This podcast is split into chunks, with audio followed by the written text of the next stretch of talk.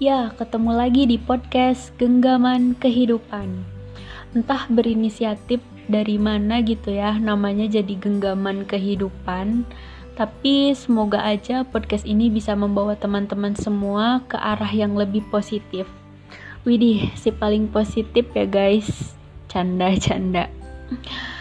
Lagi-lagi ini episode pertamaku karena nggak tahu kenapa podcast yang dulu-dulu tuh yang pernah aku bikin dan pernah aku terbitin juga di 2020 aku delete semuanya guys. Mohon maaf banget. Dulu tuh sempet sampai berapa episode ya? Aku lupa ya lumayan banyak sih. Tapi ya udah deh ya gitu aja deh. Pembukaan dari aku sebenarnya nggak penting juga sih ya guys. Tapi agak apa-apa lah. Lumayan nambah durasi dan biar nggak serius-serius amat gitu. Nah di episode pertamaku ini aku pengen bahas soal fokus pada satu tujuan versus fokus pada banyak hal. Karena akhir-akhir ini banyak banget yang mengcompare hmm, apakah lebih baik jika kita fokus saja pada satu kegiatan atau satu minat, satu passion atau satu hobi atau apalah ya intinya gitu. Ataukah lebih baik kita kerjakan semuanya? Dan lalu bagaimanakah hasil dari keduanya? Nah uh, di sini aku pengen bilang bahwa dari keduanya itu baik-baik aja. Nggak ada yang salah gitu.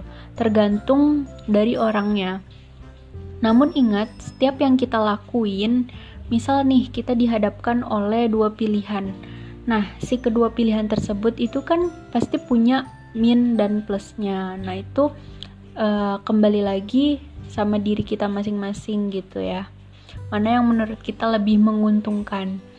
Nah, di sini aku nggak banyak bicarain soal min plusnya, tapi ada yang lebih penting sebenarnya dari itu yang perlu dinotis di sini sebelum ke arah min plusnya, kita itu harus tahu dulu tujuan kita, keinginan kita, dan kemampuan kita itu bagaimana dan seperti apa gitu.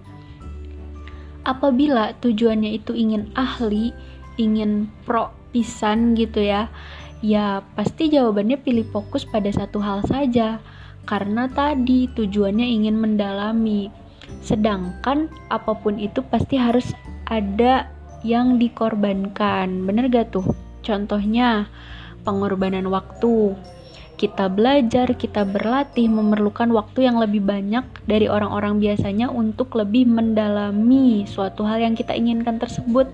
Karena bukan hanya sekadar untuk mengenal, tapi mendalami suatu hal yang kita inginkan tersebut Nah, kalau kita hanya ingin mengenal saja tanpa perlu mendalami, ya pilihan kedua yang cocok yaitu fokus pada banyak hal.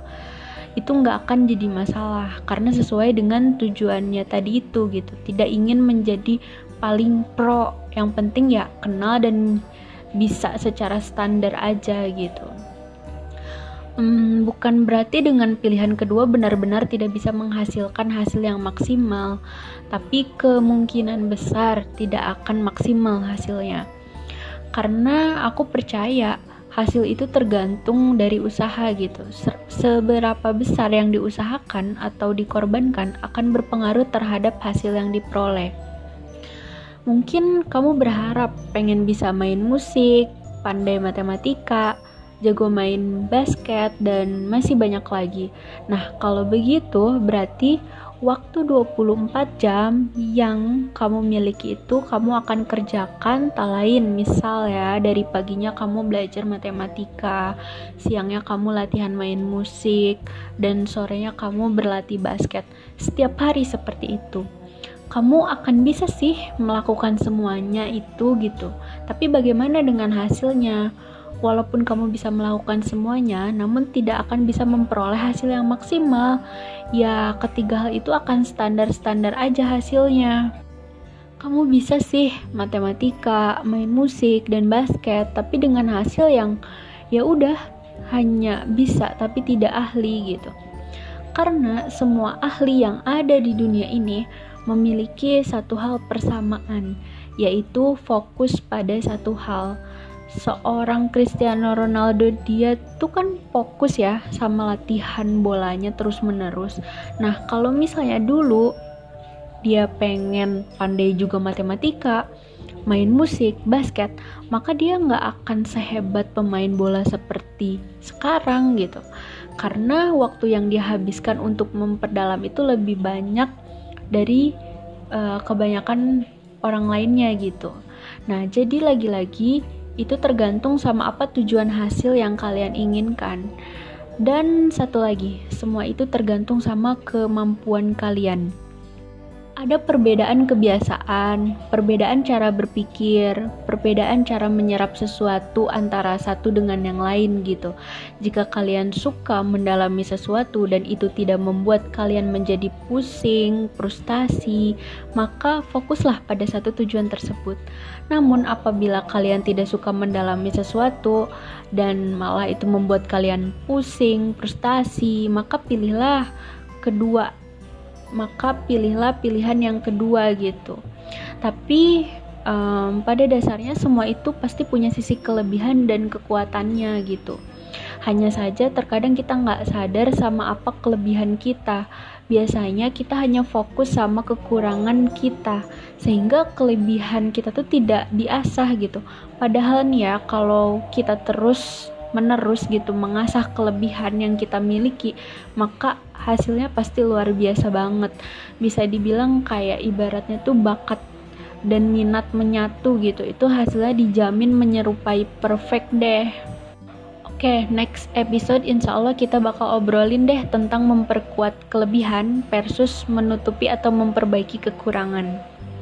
Nah, tadi kan yang pertama banget yang penting kita harus tahu tujuannya itu apa, tujuan kita tuh apa, dan yang kedua kita harus tahu kemampuan kita tuh kayak gimana, seperti apa. Nah, sehingga dari kedua tersebut dapat memilih deh kita lebih baik pakai pilih ca pilihan cara yang pertama atau yang kedua gitu, bisa dipertimbangkan. Nah, terakhir dari aku nih, banyak banget nih bahasan Bagaimana kalau ada yang berpikir bahwa kita itu harus pandai dalam segala bidang? Ingat ya guys, manusia itu punya kelebihan dan kekurangannya masing-masing. Sangat sedikit sekali yang emang bener-bener pure, bisa dan jago loh ya, bukan hanya sekedar bisa, tapi dia jago banget, pro banget di berbagai bidang, di berbagai hal gitu.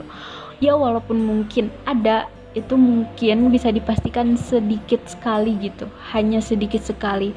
Yaitu sih balik lagi ya dari kamunya. Maksudnya gini perlu kita yang namanya coba-coba dalam segala bidang.